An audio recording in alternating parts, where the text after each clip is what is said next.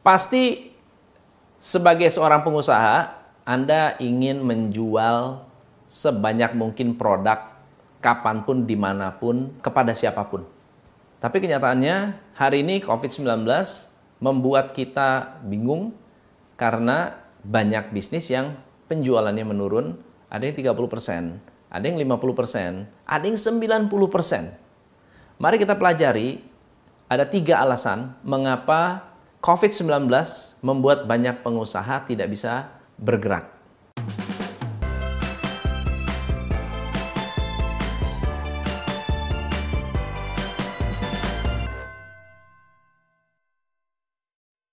Yang pertama, bukan hanya COVID-19-nya, tetapi keputusan Anda sebagai business owner. Ada business owner yang memutuskan untuk tidak menjalankan bisnis secara serius. Mereka mau cara gampang, mau menggunakan metode lama. Kalau kalau saat ini Anda adalah seorang dokter, misalnya dokter gigi, lalu kemudian COVID-19 melarang dokter gigi praktek, lalu Anda mau tetap menjalankan bisnis, maka akan sulit sekali buat Anda untuk melanggar aturan. Nah, ada orang-orang yang memutuskan untuk pasrah. Ya udah, karena saya dilarang, saya diam. Itu adalah keputusan. Keputusan yang kedua yang membuat omset tidak berkembang adalah sudah jelas ada larangan, sudah jelas tidak bisa menjual, tetap bertahan dengan bisnis yang sama. Tetap, tetap bertahan dengan bisnis yang ada. Nah, yang ketiga adalah kita tidak melakukan apa pun untuk menjual.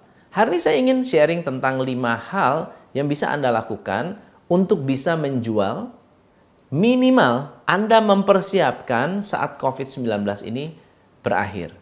Yang pertama adalah memiliki satu prinsip selling is service, service is selling. Selling hari ini sudah tidak bisa lagi hard selling. Selling hari ini tidak bisa lagi Anda menawarkan produk, kemudian Anda mendapatkan penjualan. Tidak bisa seperti itu. Sebelum menjual, Anda harus bisa melayani. Sebelum menjual, Anda harus bisa menciptakan hubungan baik dulu. Sebelum menjual, Anda harus memastikan siapa target market Anda yang hari ini bisa bekerja sama dengan Anda. Selling is service. Hari ini kalau Anda nggak bisa melayani, Anda nggak bisa jualan. Yang kedua, Anda harus menguasai konsultatif selling. Konsultatif selling adalah Anda menggali kemudian memberikan apa yang dibutuhkan. Kalau ada orang mendekati saya lalu menyampaikan ke saya, "Halo Pak, Bapak mau ayam bakar atau tidak? Kami menjual ayam bakar kalasan harga sekian, enak banget. Kalau mau saya order, kalau mau order silahkan WA." Itu yang pertama. Yang kedua adalah nanya dulu, ngobrol dulu. Halo Pak, apa kabar? Nama saya Tom, saya dari ayam dari restoran X. Boleh nggak saya tanya Bapak saat ini uh, kesulitan nggak untuk dapat makanan? Ada nggak makanan yang dikangenin? Ada nggak makanan yang dikangenin? Kalau ada, boleh nggak saya bantu? itu adalah konsultatif selling. Mungkin tidak bisa kepada orang baru Anda lakukan itu. Mungkin Anda lakukan itu kepada customer yang lama, customer yang sudah kenal Anda, customer yang sudah Anda tahu. Anda bisa bayangkan hari ini frozen food itu meningkat penjualannya. Berarti banyak orang yang masak di rumah dan tidak suka atau mulai bosan dengan masakan sendiri. Mereka ingin yang cepat, mereka ingin yang praktis, dan ingin enak. Ingin cepat, praktis, enak. Harga terjangkau pula. Nah kalau kita bisa melakukan konsultatif selling, kita bisa memberikan apa yang customer butuhkan, bukan apa yang kita jual. Yang ketiga, hari ini customer tidak membeli produk tapi membeli solusi. Tidak membeli apa yang disebut hand sanitizer, tetapi membeli kebersihan, membeli sanitasi, membeli alat untuk bebas dari bakteri.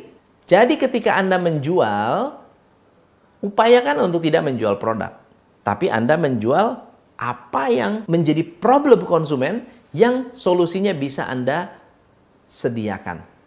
Yang keempat, Anda harus menguasai telepon dan video. Hari ini kalau Anda mau jualan, jualanlah menggunakan video. Kalau Anda ingin jualan, jualanlah dengan menggunakan telepon. Jualanlah dengan menggunakan telepon dan video. Karena video dan telepon hari ini orang ada di rumah. Anda kalau telepon uh, prospek, prospek Anda sedang di rumah. Kalau Anda buat video, sekarang ini video 80% ditonton karena orang punya waktu. Yang jadi tantangan adalah kita malas membuat video. Padahal video adalah alat yang paling cepat untuk bisa memperkenalkan produk Anda. Yang kelima adalah Anda harus menjalankan sales proses Anda walaupun Anda di rumah.